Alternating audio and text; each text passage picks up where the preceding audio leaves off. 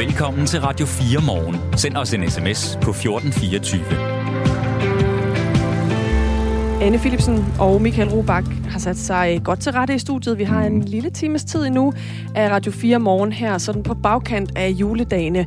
Og øh, om et kvarters tid, så skal vi tale med Per Larsen fra Konservativ. Han er øh, sundhedsordfører for partiet. Og det skal vi, fordi vi jo her til morgen øh, ser nærmere på et borgerforslag fra en familie i Gladsaxe, som gerne ser, at screeningen for brystkræft hos danske kvinder, den sker tidligere. De vil nemlig gerne have, at man bliver tilbudt en mammografi, når man er rundet 40 år. Det gør man i Sverige, men her i Danmark, der gør man det først i dag, når kvinden er fyldt 50 år. Per Larsen er øh, positiv stemt over for det her borgerforslag, og øh, vi skal høre nærmere, hvad han øh, tænker om forslaget, og også hvad han vil gøre for øh, eventuelt at få det til at blive til øh, virkelighed. Men det er altså om et øh, kvarters tid. Du lytter til Radio 4 morgen. Og den anden historie, som vi bruger lidt krudt på, haha, Haha. den i morgen, det er fyrværkeri, fordi på lørdag er det nytårsaften, og det betyder som bekendt, at masser af danskere skal ud og fyre krudt af. Og allerede fra i dag må man helt lovligt 20 starte fejringen og skyde de første raketter af.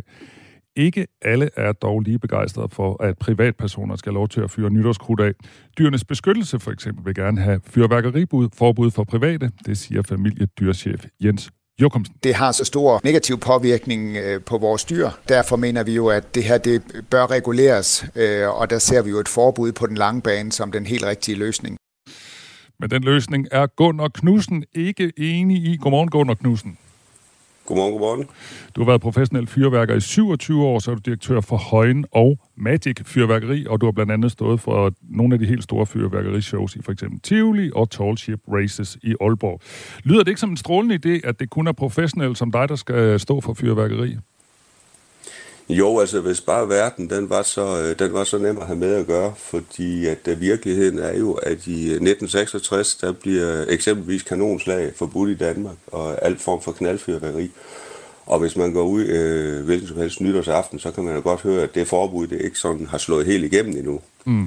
Så øh, jeg tror faktisk, at øh, et eventuelt forbud mod fyrværkeri, det vil nok få det, den eneste konsekvens, det vil få, det vil være, at øh, den der milliard cirka, som det genererer i, uh, i omsætning og mange penge i skattekassen, de vil bare ryge i lommerne på de kriminelle i stedet for. Uh, folk vil ikke holde op med at købe fyrværkeri, fordi at uh, et, for, et forbud, det vil ikke ændre noget. Men nu hørte vi lige øh, familiedyrchefen, som det hedder, fra øh, dyrenes beskyttelse. Har du ikke forståelse for, for, at der er dyr og også mennesker i øvrigt, der bliver generet af det her fyrværkeri? Absolut, absolut. Det er fuld forståelse, at vi skal jo tage alle de hensyn, som vi, som vi kan. Men altså, hvad det hedder, det er jo den ene gang om året, og øh, jeg er sikker på, at øh, andre ting, som også larmer hele tiden, altså det har vi jo måske bare vendet os til.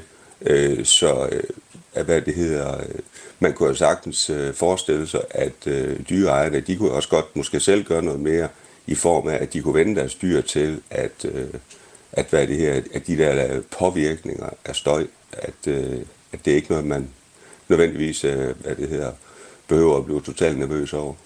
Hvordan skulle man vende sine dyr til det? Jamen altså i gamle dage, der, der, der, kunne man, øh, der brugte øh, mange mennesker for eksempel hundepropper øh, til at, hvad det her, de købte hundepropper, de kan købes hele året i butikkerne. Og så, øh, så vendede de deres dyr til det på samme måde, som øh, at man vender jagthunden til at, og hvad det her, til at gå på jagt. Fordi jagthunden bliver jo ikke bange, øh, når geværet det bliver skudt af, og det her det er jo lidt i samme stil.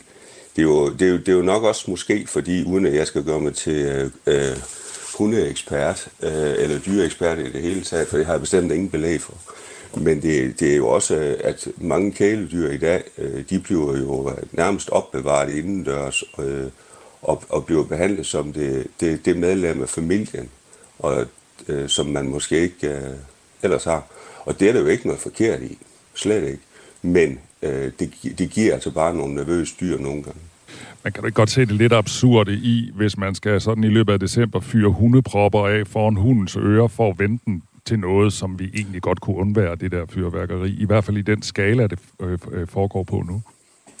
Jo, men man skal jo ikke gå og bare skyde hundepropper af hele tiden for hundens ører. Det er jo slet ikke det, det gør, fordi så får man nok den modsatte virkning. Men altså, hvis man sådan i løbet af året, øh, hvad det hedder en gang imellem, eller når man nærmer sig sæsonen, ikke også, mm. altså så begynder at, at have hunden på pistolen med. Man skal ikke skyde på hunden, selvfølgelig skal man ikke det. Man skal skyde væk fra hunden, så den vender sig til, at uh, de der lyde, de betyder altså ikke noget. Øh, lad os lige tage lidt fakta her. I 2014 der blev fyrværkeriloven strammet, og den betyder, at det i Danmark kun er muligt at skyde nytårskrudt af fra i dag, den 27. december, til og med den 1. januar. Og så er det kun tilladt at købe fyrværkeri mellem den 15. og 31. december. Hvad nu, hvis man i stedet øh, nøjes med at begrænse tidsrummet for fyrværkeri, eksempelvis fra klokken 18 nytårsaften til klokken 02 den 1. januar? Det gør man nogle steder. Er det en god idé? Øh, nej, altså det, ja, jeg ved ikke, om det er en god idé. Det er jo svært, det er jo svært at sige, det er, jo ikke, det er jo ikke prøvet af. Men altså, man skal jo forestille sig, at i, øh, i Danmark, øh, der, hvad det hedder, der konsumerer danskerne cirka øh, hvad det hedder, 440 fods container fyldt med, med fyrværkeri. Det er enormt meget fyrværkeri. Og hvis man begrænser perioden til, øh, til hvad det her, eksempelvis øh, 6 timer, hvor man må skyde det af, og, og, og forbuddet, altså det er så rent faktisk, det bliver skudt af på de 6 timer, det vil, øh, det vil blive totalt øh, ravnerok, og vil jeg vurdere ekstremt meget øh, dårligere for dyrene, end at det er over en længere periode. Men tror du ikke bare, at folk vil købe lidt mindre, så jeg tror jo ikke, de vil købe det samme, hvis Nej. de kun havde 6 timer til at fyre det af i? Det tror jeg ikke. Nej, det tror jeg ikke. Og så, øh, og så er faktor, faktor nummer to, det er jo nok også, at hvem skal lige håndhæve det forbud? Altså, det, det, det bliver jo nok urealistisk. Men øh, der er ingen tvivl om, at øh, forslagene de er fremsat med en god meninger og, og fortsat. Det er der slet ingen tvivl om. Men realistisk, der, der, der, der, der, nok, der tror jeg nok ikke så meget på ideen. I Norge, Sverige, Finland, Holland og Tyskland er det kun tilladt for privatpersoner at affyre fyrværkeri i perioden fra den 31. december til og med den 1. januar. I, i eksempelvis Holland må der kun affyres fyrværkeri i få timer fra kl. 18 nytårsaften til kl. 02 1. januar. Og så er perioden for, hvornår man kan købe fyr, fyrværkeri begrænset til, til de sidste tre dage af året. Og nytårsaften er jo ikke ligefrem dyrenes fest, det har vi også været inde på. Familiedyrschef i dyrenes beskyttelse, Jens Jokum, siger, at dyrene bliver forvirret over fyrværkeri. De har rigtig svært ved at håndtere de her øh, høje lyde og brag, og det er jo i, både i dagene op til, hvor der bliver fyr, fyret fyrværkeri af, men det er selvfølgelig også på selve øh, nytårsaften, altså fejringen af nytåret, og dyrene forstår ikke øh, den her situation, de forstår ikke, hvad det er, der sker omkring dem. Vi taler med fyrværker Gunnar Knudsen. Skal vi, ikke, øh, skal vi ikke tage mere, vi har været lidt inde på det, men skal vi ikke tage mere hensyn til dyrene? Jo, altså vi skal selvfølgelig tage det hensyn, som vi overhovedet kan, men altså, øh, hvad det hedder, virkeligheden er jo også den, at øh, vi skal jo også leve vores liv, og vi skal jo ikke tilsidesætte, øh, tilsidesætte alt, øh, hvad, det, hvad det her er sjov og blade. Øh, fordi så, så, så ender vi jo i princippet med med, med, med, med de ting, som kun er nødvendige for, at vi kan overleve, og det er vel i yderste konsekvens i en, øh, en pind, og så, og så, og så, og så, og så, og så hvad det her, det man skal have at spise, ikke også? Øh, så det er jo et spørgsmål om, øh, hvor langt vil man skrue hvad det her, sin tilværelse tilbage, fordi der er jo mange, mange, mange andre ting, som også giver støj, og som også er unødvendigt, hvis man kan sige det sådan det, det, det er jo, der, er, der er jo rigtig mange ting, og det mener jeg ikke, man skal røre ved. Jeg mener, at vi skal leve vores liv. Altså, vi, er, vi skal tage hensyn, men vi skal leve vores liv. Men jeg tror ikke, der er nogen, der foreslår, at man bare skal sidde og lege med en pind nytårsaften. Øh, Nej. Det, det forslaget er jo sådan set bare at, at sige, at fyrværkeri hører til selve nytårsaften, og ikke så meget i dag og i morgen og i overmorgen. Jamen altså helt klart, altså, det er jo en ting omkring øh, nytåret. Øh, jeg tror bare rent sikkerhedsmæssigt, at hvis man øh, begynder at, at hvad det her arbejde i, at man skal helt ned på de der små, øh, små marginaler med nogle få timer, mm. jamen så får man nogle situationer, som man jo også kan se i øh, blandt andet Holland, at der eskalerer, og, øh, og tingene bliver ulovligt. Altså der er lige blevet stoppet nogle transporter nede ved, i, ved den hollandske grænse med 250 tons ulovligt fyrværkeri, fordi at hollænderne de ikke kan øh, de ikke i butikkerne kan få det, de gerne vil have. Øh, så, så det er jo bare, øh, man kan godt have en masse gode intentioner, men vi skal jo passe på, at, øh, at den her forretning, at den ikke bliver skubbet over på de kriminelle øh, hænder, fordi øh, det har vi som samfund i hvert fald ingenting ud af. Tidligere på morgen, der talte vi med Henrik B. Pedersen, som er stifter af det, der hedder Plastic Chains, og han peger på, at fyrværkeri sviner i naturen og kræver et stort oprydningsarbejde. Jeg tror, de fleste af os kender dagen derpå, ikke? så skal vi ud og fejre på gader og stræder og fjerne øh, de træpinde, der ligger rundt omkring. Øh. Men, men meget af det her er jo utilgængeligt bagefter, fordi det er blevet, det er blevet sprængt i luften til, til mikroskopiske stykker af, af, af affald, kemikalier, plastik. Ja, du bliver angrebet fra mange sider den her morgen. Hvad siger du til den her vinkel på det, altså at øh, det er dårligt for vores miljø? Jamen altså, han, han synes, jeg synes jo netop, at uh, han rammer hovedet lidt på sømmet. Altså, altså, vi er jo alle sammen derude og rydder op dagen efter. Og hvis man uh, går ud i sin have, eller man går en tur rundt i naturen nu, så finder man jo ikke uh, rester af fyrværkeri. Øh, og det er jo fordi, at vores renovationssystem, det er jo netop øh, virker, som det skal. Der er jo ingen øh, ude, jeg bor ude midt på landet, mm. og i min have, jeg vil da ikke have fyrværkeridel til at lægge i min have, så selvfølgelig bliver de samlet op, og de ryger der på forbrændingen og bliver øh, genanvendt i det område, som det jo selvfølgelig kan det, eller det bliver forbrændt. Så, så altså forureningsdelen, øh, den, den, den vil jeg, jeg kan ikke øh, gøre mig til ekspert igen, men den vil jeg da vurdere, den er ekstremt lille. Jeg er heller ikke ekspert, men noget af det, han sagde, det var, at det eksploderer i bitte, bitte små stumper op i himlen, og så er det ikke noget, du kan samle op ude i din have. Altså det, der eksploderer på himlen, det er jo paphylstre. Der er jo ingen, øh, hvad det hedder, nu siger han plastik, det er, det er ikke korrekt. Eksploderende dele, øh, som eksploderer i fyrværkeri, der er ikke plastik i. Det er mm, de, de dele, der er plastik i i fyrværkeri i Danmark, det kan være et rakethoved, eller det kan være et, øh, en, øh, hvad det hedder, en lundebeskytter, eller det kan være selve indpakningen. Altså fyrværkeriet, som, som eksploderer, der er der ikke, der er der ikke plastik i øh, og det vil være pap, og, øh, og pap, det er jo biologisk øh, nedbrydeligt. Vi prøver lige en ting mere.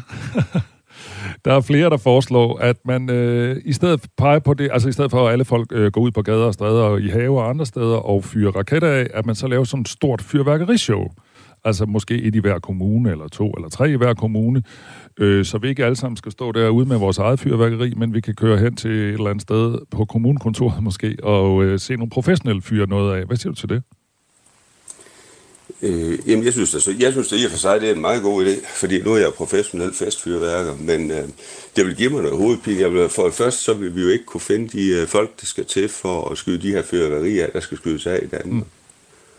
Og, øh, og så er virkeligheden jo nok nummer to. Hvem skal betale det gilde her? Altså, øh, det, er jo, øh, det er jo svært at forestille sig, at man inde i København øh, for eksempel øh, får københavnerne til at frivillige og indbetale 500 kroner per person, så der er til at lave et, øh, et stort show for.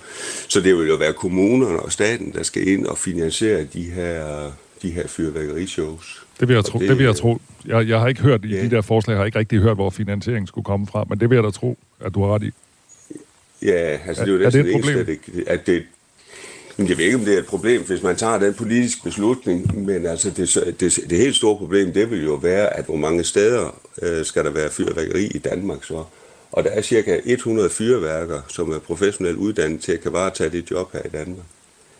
Øhm, det vil jo være ret urealistisk øh, set på det, fra det synspunkt, hvordan de på nogen måde skulle kunne øh, indfri i nærheden af det, øh, det, af, det, af den mængde øh, festfyrværkerier, som der skal skydes af i øh, Danmark, for at alle de kan få et fyrværkeri til, til nytårsaften. Og så er der jo nok også det faktum i det, hvis det skal skydes kl. 12, der er en hel masse mennesker, øh, som i Danmark nu har en stor tradition for fest nytårsaften, og det vil jeg så sige, at hvis vi skal ud og bevæge os øh, frem og tilbage for at se et fyrværkerishow, så vil vi jo nok øh, desværre øh, få noget, hvad det her promillekørsel ud af det. Det sagde altså Gunnar Knudsen, der er fyrværkerdirektør i Højen Magic Fyrværkeri. Godt nytår til dig. Tak skal du have. Vores lytter Katarina øh, plejer at stemple ind, når der er noget med dyr. Hun er, holder meget dyr, og hun skriver også, måske er det muligt, at nogen synes, det er så sjovt at være så egoistiske, at det synes, fyrværkeri skal larme helt vildt. Men det er vildt synd for dyrene. Jeg vil virkelig ønske, folk vil tænke på andre end dem selv. Allan skriver, Nytårsfyrværkeri skal aldrig forbydes til private. Det er dyrenes dag 361 dage om året. Men vent den om, hvor mange dyr forårsager skade hvert år. Skal vi så også forbyde dyr? Stop med de ekstremer, der splitter samfundet i modpoler, i stedet for at søge et kompromis, lyder det altså fra Allan. Og den her debat, den kan øh, i den grad blive ved med at fortsætte, fordi klokken øh, 5 minutter over 9 her til morgen, der øh, fortsætter Ring til Radio 4 netop den her øh, debat og spørger altså, om øh, man skal forbyde fyrværkeri for private, eller om det er noget, der hører sig til nytår. Så øh, bliv endelig ved med at debattere på sms nummeret 1424. Klokken er 20 minutter over 8. Radio 4 taler med Danmark. Et nyt borgerforslag foreslår, at man øh, bliver tilbudt mammografi, altså en screening for brystkræft, når man har rundet 40 år her i Danmark. Det gør man nemlig i Sverige. Men i Danmark, der er aldersgrænsen 50 år. Det er Pernille Veler Gyllik og hendes familie, der står bag det her borgerforslag, og de har stillet det, fordi Pernille Veler Gylliks storsøster på 47 har fået konstateret brystkræft i august sidste år. Lægerne fandt tre tumorer i store søsterens ryg, og lægerne konstaterede efterfølgende, at de stammer fra en kraftknude på 3 cm i hendes bryst. Pernille Veler Gyllik og familien er ikke i tvivl om, at en tidlig screening kunne have forhindret, at kræften havde spredt sig fra brystet til ryggen. Vi skal lige høre et klip med Pernille Veler Gyllik her. Lægerne kan jo ikke sige det med sikkerhed, men jeg tænker selvfølgelig, hvis man havde fundet det her for 10 år siden, øhm, så havde man fundet det, inden det havde spredt sig til ryggen. Og så havde man kunne fjerne brystet eller fjerne knuden, og det kan man ikke nu. Vi har også talt med Pernille Veler Gylliks store søster Rikke Veler Gyllik, som er ramt af kræft i ryg og bryst. Hun er overbevist om, at en tidligere screening havde fundet knuden i brystet og ændret alt. Det er jo stinkehammerne sikkert konsekvensen, at jeg måske har en, en levetid på måske to til fem år, hvis jeg er heldig nu. Det havde jeg ikke, hvis det var blevet opdaget for fem år siden. Så det må man sige er en kæmpe konsekvens. Ja, det har jeg det da helvede til med. Borgerforslaget handler altså om at ændre aldersgrænsen for, hvornår man bliver inviteret til screening for brystkræft. I Danmark der er det et nationalt frivilligt tilbud til kvinder i aldersgruppen 50-69 år. Men Pernille Veler Gyllik og hendes familie foreslår altså i stedet et borgerforslag i borgerforslaget, at man gør som i Sverige og sætter grænsen ned til 40 år. Altså det har vi jo selvfølgelig gjort, fordi at øh, vi tænker, at hvis det kan redde andre menneskers liv, øh, så man kan finde brystkræften, inden det har spredt sig, så, øh, så er det det hele værd, ikke?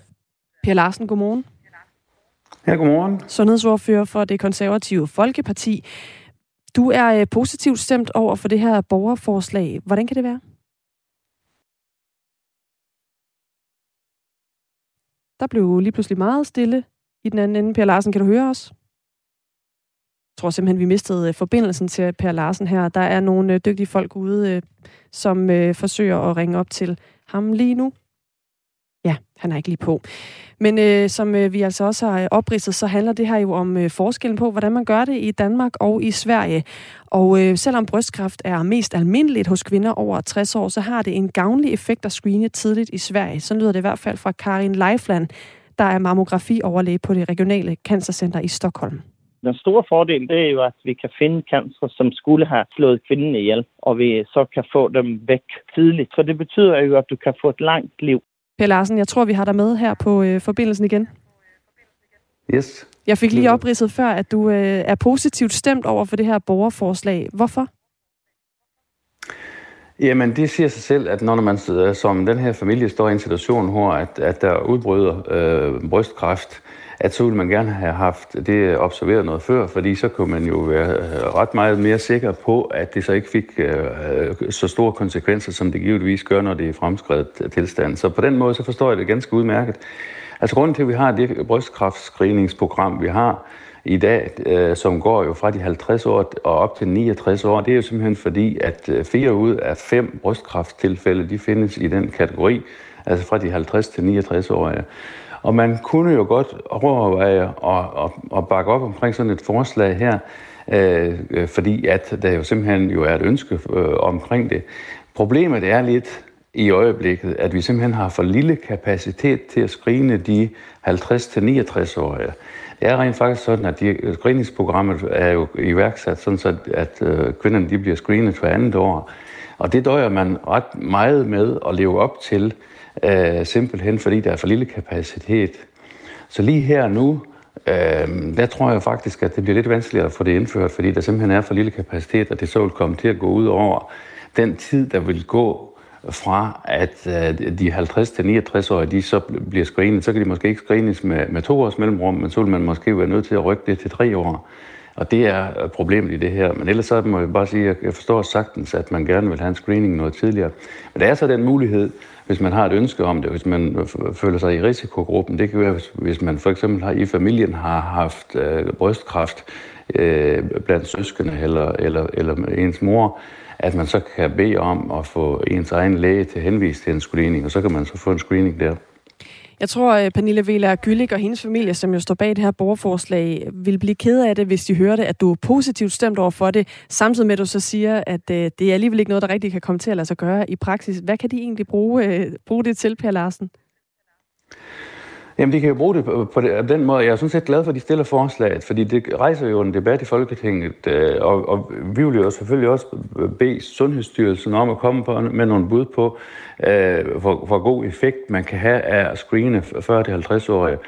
Øh, fordi det er jo sådan en afvejning. Altså, de plus 69-årige, de har faktisk også et ønske om at, at blive ved med at blive screenet, fordi man kan se i den aldersgruppe, der er det også, i og med at kvinderne jo helt naturligt bliver ældre og ældre, og det er, at der er altså også en, en, et ønske hos dem om at blive screenet øh, efterfølgende, fordi man jo også ser nogle brystkræfttilfælde der. Så der er et pres på kapaciteten. Og det, det handler om for os øh, som politikere, det er, at vi simpelthen får uddannet nogle flere personaler, som kan varetage den her opgave. Fordi altså, vi skal huske på, dem, som er i risikogruppe, og som måske får konstateret øh, en knude, øh, og noget, de skal have undersøgt nærmere, øh, de er jo meget tæt på måske at, at, at udvikle en kraft. Og, og, og den kapacitet, den, den lapper altså ind over. Så hvis det er sådan, at man sætter mange flere ressourcer af til at screene folk, så øh, vil det altså gå ud over nogle af dem, som, som måske er i gang med at udvikle kraft, som, man, øh, som er inde i et pakkeforløb. Og det er sådan nogle ting, vi er nødt til at tage hensyn til. Men, men altså, på en lidt længere bane, der skal vi selvfølgelig sørge for at uddanne nogle flere personaler, som kan tage sig af det. Vi skal også tage kunstig intelligens øh, i brug, sådan så vi, kan, vi af den vej kan øge kapaciteten. Fordi det handler om at få kigget på de screeninger, selve den der proces med at, at få screenet, øh, når, når kvinder de møder op inde på hospitalet, det, det er, der er faktisk ikke den store flaskehals, sådan som jeg forstår det. Men, men, øh, men det handler om, at vi skal have nogen til at kigge på de, øh, på de billeder, for at se, om der er øh, nogle forandringer. Sverige er jo det land i Norden, hvor flest kvinder er i live fem år efter diagnosen er blevet stillet. De nyeste tal fra Nordkan, som er en database med kraftstatistik for de nordiske lande, viser, at 92,3 procent af kvinder med brystkræft er i live fem år efter diagnosen i Sverige.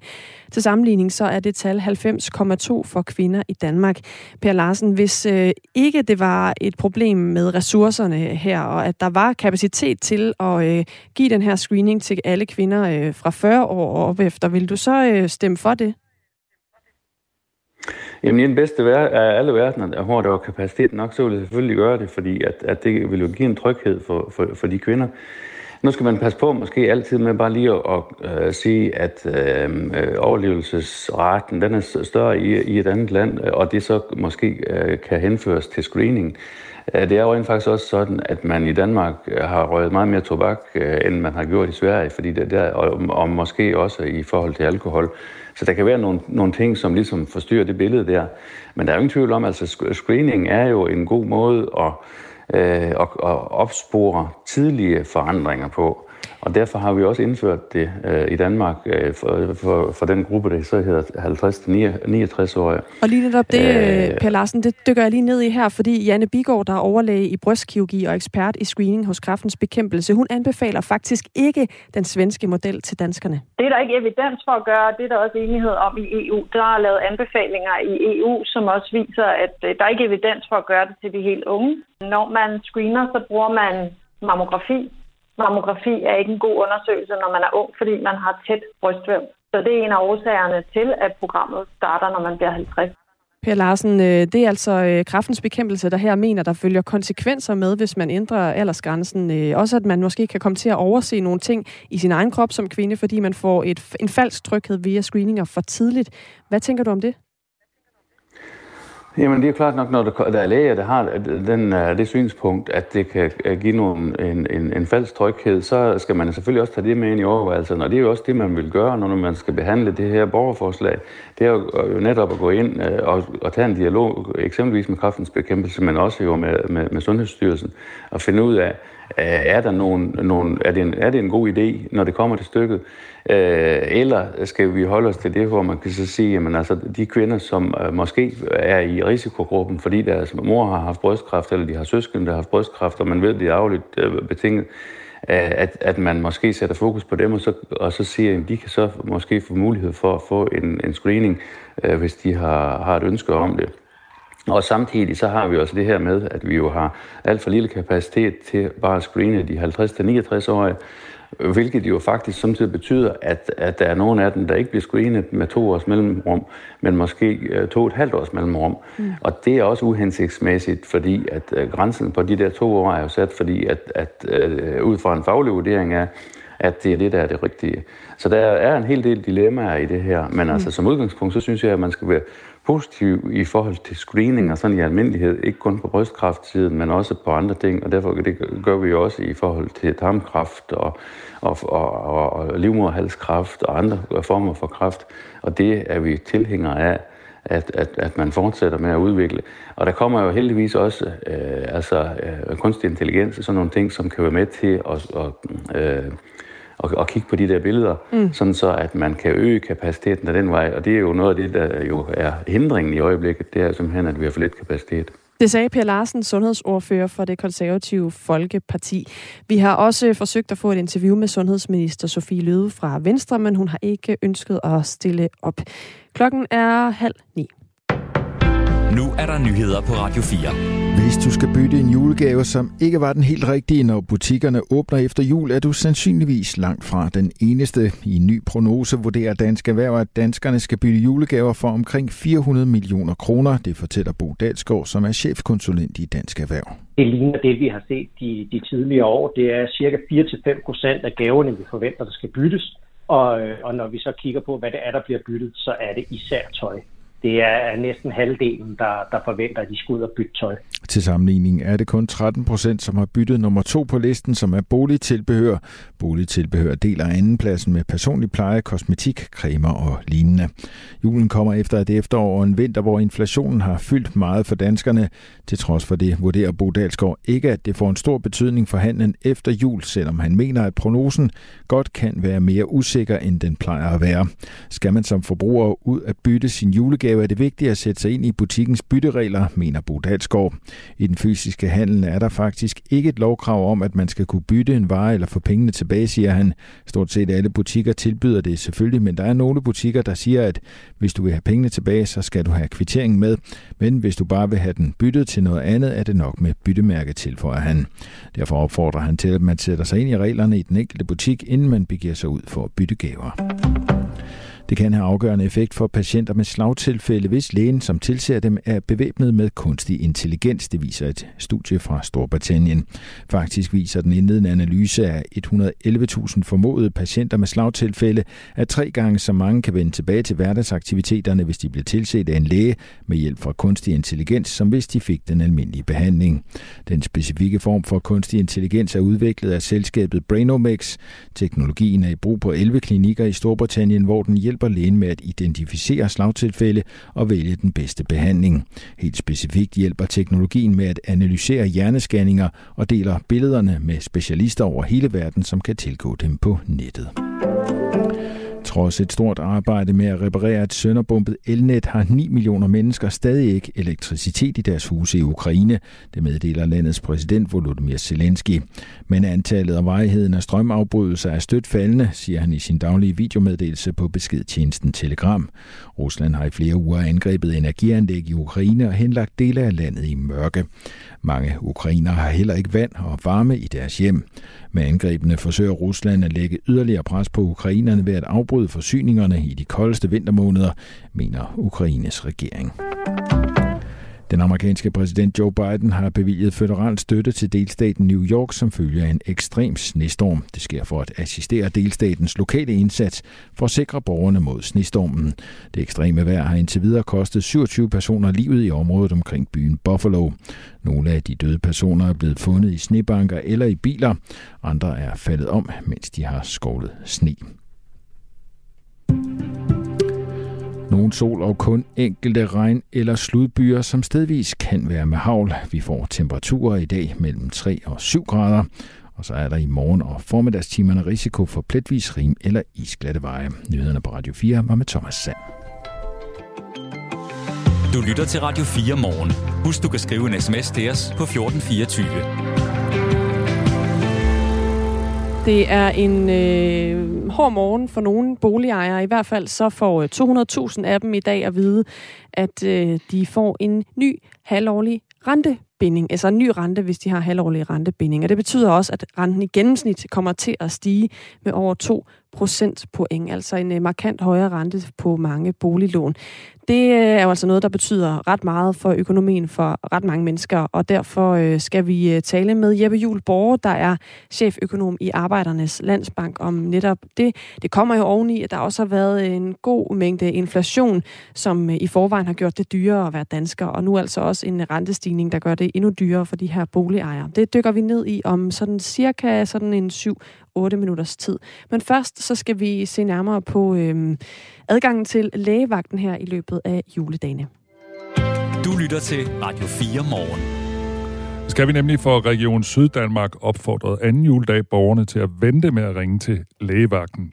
I løbet af juledagene har der nemlig været spidsbelastninger på op til, eller ved spidsbelastninger har der været ventetid øh, på regionens telefoner på op på 45 minutter. Godmorgen, Birgitte Ries Møller. Du er formand for PLO Syd, som er de praktiserende lægers organisation, der driver akuttelefonen i Syddanmark. Godmorgen. Hvordan går det med ventetiderne sådan lige nu i dag? Lige nu i dag er almen praksis åben igen, det vil sige, at egen læge er åben igen, så der er der jo ikke ventetider i lægevagten, så øh, det går rigtig godt. Øh, men øh, selvfølgelig, der er jo travlhed her i klinikkerne, fordi der er flere syge. Lad os lige, det, det taler vi om lige om et øjeblik, men, men når der nu var de her ventetider, øh, hvor I sagde, øh, rolig nu til folk, eller ring lidt senere, hvad, hvad skyldte så de her meget lange ventetider? Jamen, det er sådan set ikke noget usædvanligt. Sådan er det altid i julen. Julen er en trav tid, og vi har også haft ekstra bemanding på. Og jeg må sige, øh, stor ros til vagtlægerne. De har hurtigt fået nedbragt det, og allerede sidst på dagen i går var vi jo nede på 10 minutter igen. Så øh, det, det, det, der er ikke noget øh, usædvanligt i denne jul. Hvad, hvad, hvad skyldes den her travlhed, altså udover at lægerne er lukket, og det er jul og så videre? Der er mange, der har halsbetændelser, der er mange, der har virusinfektioner, og, og rigtig mange ringer til lægevagten. Så øh, det er selvfølgelig, fordi der har været rigtig mange kald. Og nu orker vi næsten ikke at snakke om corona, men jeg kan ikke lade være med at spørge, er der også mange, der ringer med corona? Ved du det? Ja, det ved jeg, fordi at der er også rigtig meget corona, men folk er heldigvis ikke særlig syge af det, så det er simpelthen kun halssmerter og sådan nogle viruslignende symptomer, øh, folk har, så måske lidt febrilia de første dage og sådan noget, men ellers, det er jo, det er jo ikke nogen voldsom øh, corona, vi har lige nu. Nu er det jo lidt det, man kunne kalde en arbejdsgiverjul, så der er jo ikke så mange øh, dage, hvor vi ikke kan komme til lægen. Øh, men der kan jo alligevel godt øh, være andre tidspunkter, hvor man skal tænke over, hvornår er det egentlig, man skal ringe til lægevagten. Kan du give os et, et, et par gode råd? Altså, hvad er det, man skal ringe med, eller måske hvad er det, man ikke skal ringe med? Ja, altså man skal ikke ringe, hvis det er, at man ikke øh, er akut syg. Altså øh, det her råd og vejledning, det skal man bruge sin egen læge til. Så, men hvis man er akut syg, skal man selvfølgelig ringe, eller man har akut forværing i en eller anden bestående sygdom. Så det er det, lægevagten er der for. Og, og de, de syge, de skal jo helst kunne komme igennem. Så derfor skal de andre, dem der ikke er sådan svært syge, de skal jo lade være med at ringe. Så det du siger også, det er, hvis det er sådan lidt mere opfølgning på noget, man egentlig fejlede for overvejen, og nu er man lige blevet lidt i tvivl her anden juledag om et eller andet, så skal man vente til at gå til egen læge. Ja, alt hvad der kan vente til egen læge åbner, skal jo helst vente til egen læge. Så det vil sige, hvis man ikke har feber, men bare føler sig lidt utilpas, så kan man godt vente til egen læge åbner. I dag der er de praktiserende læger så åbnet igen, som du startede med at sige. Øh, forventer I også ekstra travlhed ude sådan i den, hos de almindelige praktiserende læger? Ja, det tænker jeg, at der kommer rigtig mange, som har de her virussygdomme, og det, og det tager vi også jo gerne af. Hvad, øh, er, det, er det så de samme øh, ting, som øh, vi, vi så her hen over julen, I forventer, der kommer med, folk kommer med? Ja, det er det. Altså, øh, folk hoster og har ondt i halsen, og det, det er meget typisk det, vi ser. Er der noget særligt, man skal tænke på? Altså nu er der noget særligt, man skal tænke på, når man skal til sin egen læge her, hvor der også er travlt mellem jul og nytår. Er det noget, hvor du tænker, at det kan man altså godt vente med til efter nytår?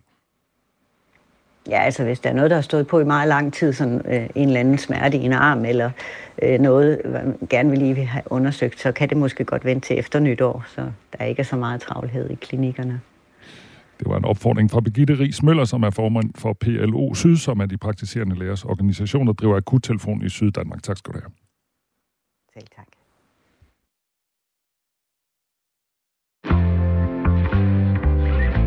Vi gjorde det! Missionen på Radio 4 er taleradio, der handler. Vi kan godt lide at gøre noget. Ja. Yeah. Ikke?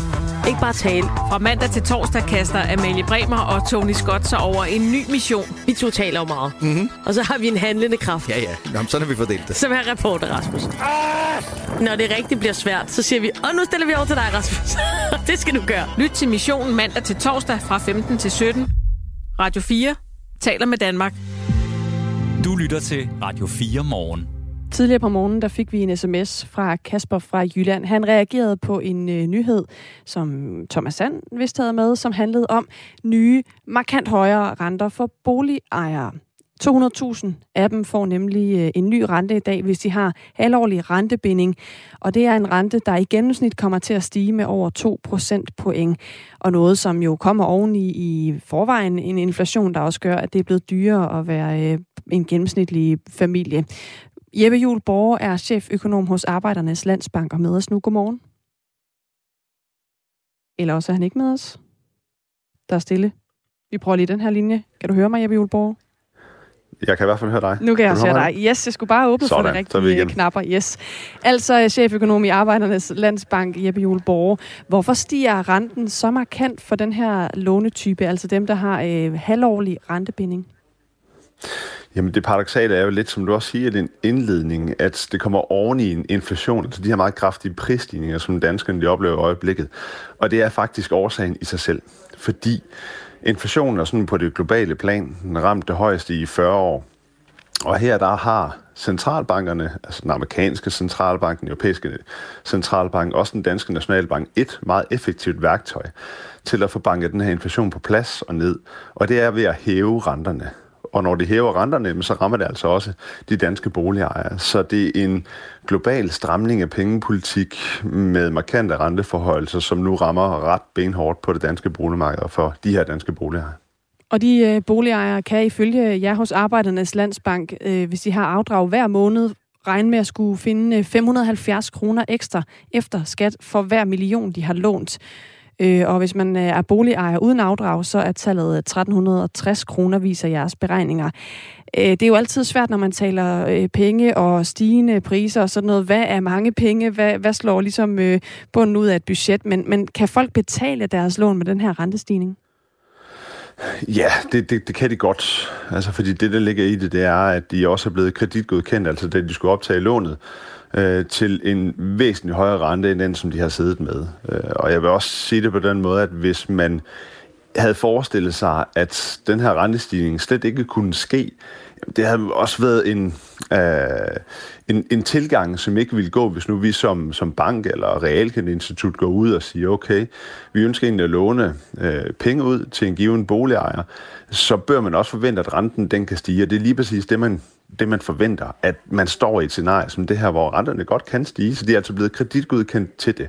Så jeg, jeg er ikke så nervøs for, om boligejeren har råd eller ej.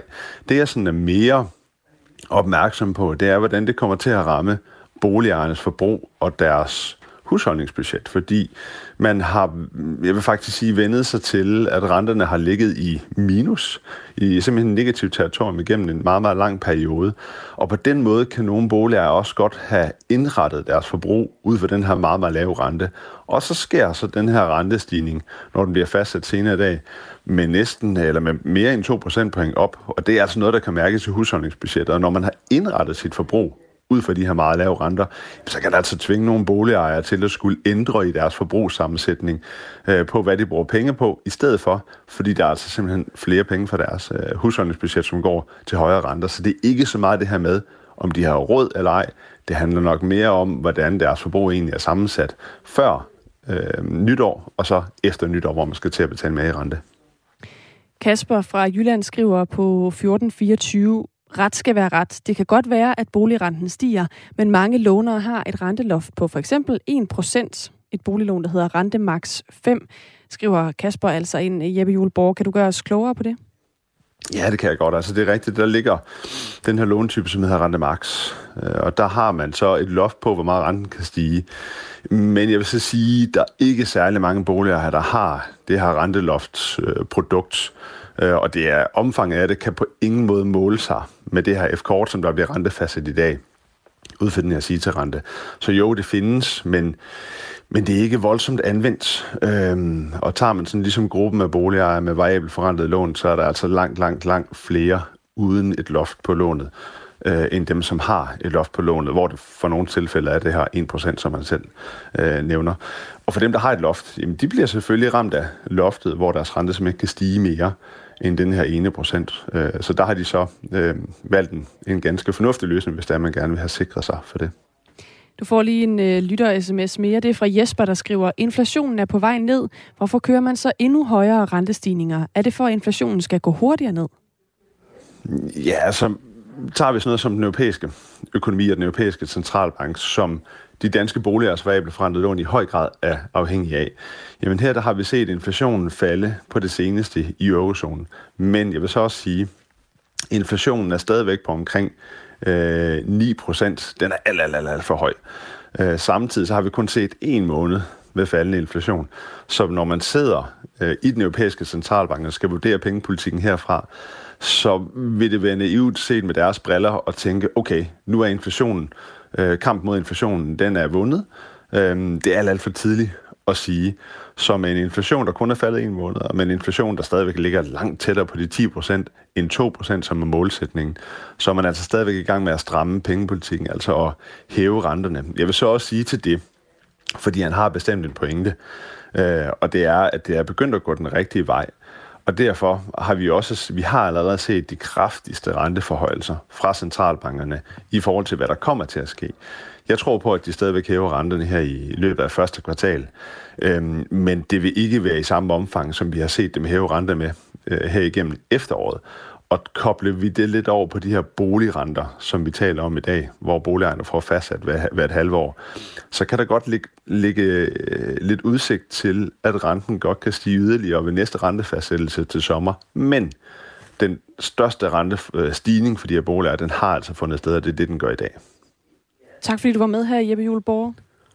Velkommen. Cheføkonom ved Arbejdernes Landsbank, altså om øh, den nyhed, at 200.000 boligejere, hvis de har halvårlig rentebinding, i dag får en ny rente, og det er en øh, pænt meget højere rente, end de måske har været vant til. Over 2 procentpoint står den altså til at stige. Radio 4 taler med Danmark. Den nye regering vil undersøge mulighederne for alternative strafformer. I regeringsgrundlaget står der, at man vil undersøge, beskrive og vurdere erfaringer med resocialisering og alternative strafformer fra sammenlignelige lande herunder Holland. Herhjemme er fængslerne nemlig ved at være fyldt op, og derfor kigger regeringen til Holland, som er lykkes med at nedbringe antallet af indsatte i fængslerne markant. Det er det gjort ved at lade langt flere kriminelle afzone deres straf, uden at skulle bag trammer. Godmorgen, Nick Zimmermann, folketingsmedlem for Dansk Folkeparti. Godmorgen. Det lyder da som en strålende idé at lade sig inspirere andre lande, synes du ikke? Jo, i visse henseende der er det altid godt at kigge til andre lande for at blive inspireret, men lige i det her tilfælde, der må jeg sige, der er vi nok lidt lovende i forhold til det her forslag. Hvorfor? Jo, men altså man kan sige, at Dansk Folkeparti's politik, den har jo sådan set altid været, at det er offeret, der skal i centrum. Altså det er offeret, der skal stå med en følelse af retssikkerhed efter en dom. Det er absolut ikke gerningsmanden. Og vi tror sådan set på, at hvis vi begynder at lave nogle straffe om til, som har været øh, hårde og som har været rigtig strenge, hvis man begynder at, at lave det om til, at man, man blot kan afzone det med en fodlænke eller andet, så tror jeg absolut ikke, at, øh, at offeret vil være tilfreds med det. Men jeg tror ikke, at nogen forestiller sig, at hverken drabsmænd eller voldtægtsmænd eller andre sådan, øh, i den meget, meget hårde ende skal sidde derhjemme med en øh, fodlænke eller andet. Nej, men det kan som også være et overfald, eller det kan være øh, alt muligt andet. Altså jeg tror sådan set, at vi skal, vi skal tænke dansk retspolitik i, hvad, hvordan får vi sat op for det centrum, og ikke nødvendigvis, hvordan vi får sat gerningsmanden i centrum. Men det, vi prøver at sætte i centrum, eller jeg tror, det regeringen i hvert fald prøver at sætte i centrum, det er det her med, at fængslerne er overfyldte. Ja, og den udfordring kan man jo løse på andre måder. Altså man kan jo sige, først og fremmest, så kan vi jo begynde at sende nogle flere ud, som sådan set har afsonet deres dom. Altså udfordringen er jo, at mange af dem her, som kommer ind i fængslerne, altså det bliver gengangere. Så en anden mulighed, som man jo også har, det er at, at kigge på at oprette fængselspladser i udlandet. Altså der har vi jo øh, blandt andet haft kigget til Kosovo førhen, for at prøve at oprette fængselspladser hos dem. Altså simpelthen at sende nogle af vores mest hårdkogte kriminelle til Kosovo for at afzone deres dom. Og det kan være alle mulige andre ting. det kan måske også være, at vi efterhånden er nået dertil, hvor vi skal til at lave det skred i dansk retspolitik, hvor vi siger, at vi simpelthen bare er nødt til at erkende, at nogle mennesker, de kan ikke resocialiseres. Altså nogle af de mest allerkogte hårdkogte kriminelle. Altså det kan være nogle indvandrerbander, det kan være øh, tidligere LTF og alt muligt andet. Altså simpelthen bare erkende, at dem kan vi ikke resocialisere. Og så lad være med at spille mere krudt på at prøve det. Og så i stedet for bruge alle de kræfter, vi overhovedet har på de kriminelle, som vi mener, vi kan resocialisere med mentorordninger, med uddannelsesprogrammer og med alt muligt andet. Hvad, hvad mener du med dem, man ikke kan resocialisere? Hvad mener du så, man skal gøre ved dem? Låst mindre og smide nøglen væk, Lad... eller hvad? Ja, først og fremmest ja. Altså nogle af de, øh, nogle af, noget af den kriminalitet, som, som de her mennesker laver, den er utilgivelig, og den er meget, meget, meget voldsom. Øhm, og i stedet for, at øh, vi bruger en masse ressourcer egentlig på at prøve at resocialisere dem, så tror jeg bare, vi er nødt til at erkende, at nogle mennesker kan ikke socialiseres. Øhm, og man kan sige allerførst og fremmest, jamen, så ser vi jo i Dansk Folkeparti gerne, at de bliver smidt ud hurtigst muligt. Øhm, men indtil at det kan lade sig gøre, så må vi simpelthen bare lade dem, lade dem sidde, eller eventuelt lade dem afzone i et andet land. Vi taler med Nick Zimmermann, der er folketingsmedlem for Dansk Folkeparti, og tidligere i dag har vi talt med professor i kriminologi ved Syddansk Universitet, Linda Kær Minke. Hun har set blandt andet på virkningen øh, af brugen af alternative fængselsstraffe. Der viser forskning på området, at risikoen for, at den dømte begår kriminalitet igen, er mindre, hvis vi bruger samfundstjeneste og fodlænkeordningen. Ja, det hun siger, det er, at hvis man bruger samfundstjeneste og fodlænkeordningen, så er det, der hedder recidiv, altså det, der hedder, til, altså, som betyder tilbage, at man har tilbagefald til kriminalitet, den er mindre. Er det ikke værd at tage med, at man ikke får alle mulige folk ind i fængslerne og lærer dårlige tricks og får dårlige kammerater, så kan det være bedre at sidde derhjemme med en fodlænge på? Jamen, det kommer da så sandelig an på, hvad det er for en kriminalitet, der er blevet begået for for det. Fordi altså, som jeg startede med at sige, vi vil altid have offeret i centrum i enhver henseende. Altså i forhold til voldssager, voldtægtssager øh, og, og andet. Altså der må det da øh, være det absolut vigtigste, at det er offeret, der sidder med en følelse af retssikkerhed bagefter, og absolut ikke gerningsmanden. Øh, og der siger jeg bare, øh, og skal fortælle øh, et offer for en kriminalitet, at din gerningsmand, han slipper altså lige med fængsel, i stedet for så får han en fodlænge på, så han kan sidde derhjemme. Det synes jeg absolut ikke er i orden. Men kan man ikke godt øh, altså ligesom tage begge hensyn? At man både på den ene side siger, at vi vil tage ordentligt hensyn til de offer, der måtte være for kriminalitet, men vi vil også gerne sikre os, at de mennesker, som bliver straffet, at de ligesom kan komme ud igen og få et almindeligt liv, og ikke lære øh, dumme ting ind i fængslerne. Nej, men altså, jeg må bare sige, jeg synes godt nok, at det er helt vildt, at, at regeringen seriøst foreslår det her som, som, som en løsning på, hvordan man kan, man kan få mere plads i fængslerne. Altså, at det virkelig er her, det er noget ud. Altså, det, det, det, det synes jeg helt oprigtigt er rystende. Altså, og jeg håber virkelig, at øh, vi under nogle forhandlinger kan prøve at, at, at komme hinanden tættere, fordi jeg synes virkelig, det er vildt, hvis det er, at regeringen helt seriøst mener, at for at, øh, at få mere plads i fængslerne, så skal vi i stedet for at lade nogle af, af de her kriminelle mennesker bare sidde derhjemme med en fodlænke eller lave samfundstjeneste. Det, det, det synes jeg virkelig er rystende. Altså der bliver vi altså nødt til at kigge på nogle andre alternativer, eventuelt at oprette fængselspladser i udlandet øh, og så simpelthen begynde at få nogle af de her kriminelle udlændinge kølet ud. Altså, det er, jo dem, der, det er jo dem, der langt de fleste tilfælde går igen og igen og igen. Øhm, og det bliver vi simpelthen nødt til at få gjort noget ved. Nu taler du om, meget om voldssager. Altså, jeg må, jeg må tilstå, jeg er ikke helt sikker på, om det lige præcis er voldsmænd, der skal ligesom afzone med samfundstjeneste eller med fodlænke. Jeg forestiller mig, at det blandt andet er i de lidt mildere sager. Kunne du se ja. det for dig? At der vil Jamen, være i forvejen, i, altså milde, milde sager straffer vi jo i forvejen mildt i Danmark. Så, så det, er, det er ikke milde sager, at regeringen ligger op til, fordi man kan sige, altså små forseelser i Danmark bliver jo også, hvad kan man sige, straffet med, med, med små domme, eller, eller øh, altså, så det er, jo, det er jo nogle af de her ting, hvor man ligesom kan se, at folk de går igen og igen og igen i fængselsvæsenet. Altså, hvad kan man tænke af alternativer der, øh, ligger regeringen jo op til. Øh, og der mener jeg absolut ikke, at for at lave mere plads i vores fængsler, at vi så bare skal begynde at lade folk øh, sidde derhjemme, eller, øh, eller være ude og lave samfundstjeneste. Altså, der bliver vi nødt til at have offeret i centrum i enhver henseende. Øh, de seneste tal i, fra 2022 øh, her, der øh, oplyser Kriminalforsorgen, at der er en belægning i de danske fængsler, fængsler på 107. Altså, der er flere indsatte, end der egentlig er senge og celler til. Er der, er, er der ikke nødt til at ske noget? Er man ikke nødt til at gøre noget? Jo, men hvem er, hvem er det, der overlægger vores fængsler? Det er kriminelle udlændinge. Og det har det efterhånden været i en årrække. Og udfordringen er, at der ikke er nogen som helst politikere, ud over Dansk Folkeparti, der egentlig gider at, at, at bringe det problem frem i lyset. Altså, og nu har vi så en regering, der i stedet for vil lade folk sidde hjemme med en fodlænge på. Altså, i de danske fængsler, overbelægningen den består af kriminelle udlændinge. Så udfordringen skal løses ved kriminelle udlændinge. Det er sådan set først og fremmest det allervigtigste. Og derudover så skal dansk retspolitik altid handle om at have offeret i centrum. Men i forhold til at løse udfordringerne med pladser i fængslet, jamen så handler det, så handler det om, hvordan kan vi få, øh, få færre udlændinge til at krim- lave kriminalitet, eller hvordan kan vi få kølet flere ud, når de har gjort det. Jeg tror ikke, man kan sige, at det er de, de overbelægningen skyldes kriminelle udlægning, øh, udlændinge. Jo, for de er mere kriminelle end danskere er. Det er lige din påstand, der lige må stå lidt i luften. Det er, det er absolut ikke min påstand. Altså, det er, det, det er, det er altså i, i, i rigtig mange øh, af de her personfarlige kriminalitetsformer, der er der, der er der en overrepræsentation blandt udlændinge. Men som sagt, altså, så, det er jo, det, men som sagt, det er jo bare sådan, det er. Men som sagt, så tror jeg ikke, det er meningen, at det er voldsmænd og andre, der skal have fodlænke eller samfundstjeneste. Nej, men man kan sige, at små forseelser straffer vi jo forvejen mildt her hjemme i Danmark. Det er jo ikke sådan for små forseelser, at man ryger i brummen i 10 år. Så du kan ikke se noget som helst fornuftigt i, i, i det her forslag? Nej, jeg må nok sige, at jeg er sådan lidt, øh, lidt tilbageholdende over for det. Det er jeg. Jeg glæder mig i hvert fald til at se, hvem det er, at regeringen helt præcis lægger op til, der skal få lov at, at slippe for fængsel, og i stedet for at kan nøjes med en fodlænge. Det gør jeg virkelig. Det gør jeg også. Vi har prøvet at få en kommentar og få det uddybet fra regeringspartierne, Socialdemokratiet, Venstre og Moderaterne, men det er altså ikke lykkedes os. Men tak, fordi du gav dit besøg med, Nick Zimmermann, folketingsmedlem for Dansk Folkeparti. Tak. Hej. Hej.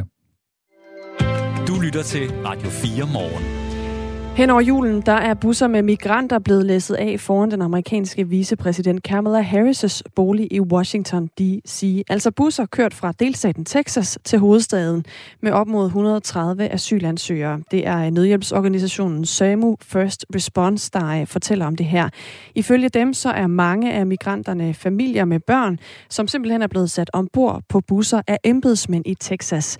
Og busserne er et forsøg fra Texas' side for at få politikerne i Washington til at få øjnene op for problematikken omkring migranter. Det fortæller Anne Alling, der er journalist bosiddende i USA. Det er egentlig en, øh, en ret klar og tydelig besked fra, fra Texas. Øh, de her busser de er kommet før øh, og blevet sendt afsted på direktion af guvernøren i Texas, øh, governor Abbott, guvernør Abbott. Og han har egentlig en ret klar besked til Kamala Harris og til politikerne i D.C. i det hele taget, at hvis de ikke vil tage sig mere af migrantproblemet, som er nede ved den sydlige grænse, og altså ikke mindst i Texas, jamen så må de ligesom selv prøve op i DC og, og dele med det problem, som man dealer med hele tiden, hver dag, nede i Texas, hvor der altså er en historisk stor øh, tilflugt fra immigranter, der prøver at komme øh, ind over grænsen.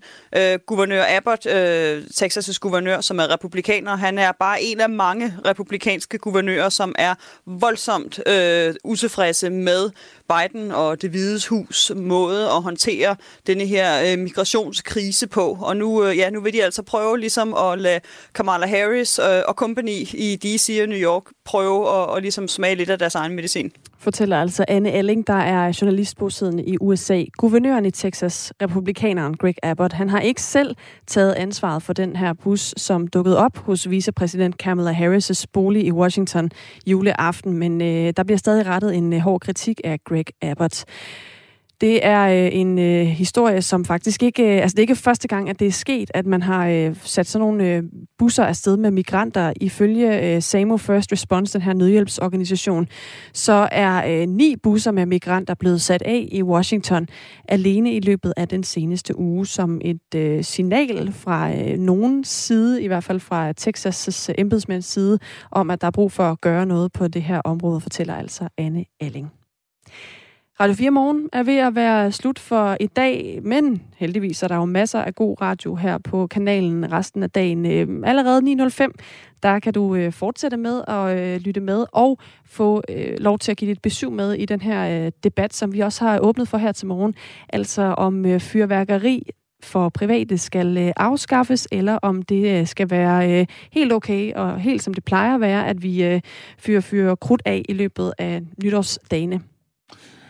Og det er en debat, som øh, jeg tror roligt, man kan følge i øh, Ring til Radio 4, fordi hvis man kigger på vores sms-indbakke, mm. så har der været masser af ophedet debat, og øh, sådan øh, lidt sjældent vil jeg sige, så er der virkelig mange, der er for og imod, øh, at vi øh, laver reglerne om for fyrværkeri. Det er 9.05. Lige nu der er klokken 9.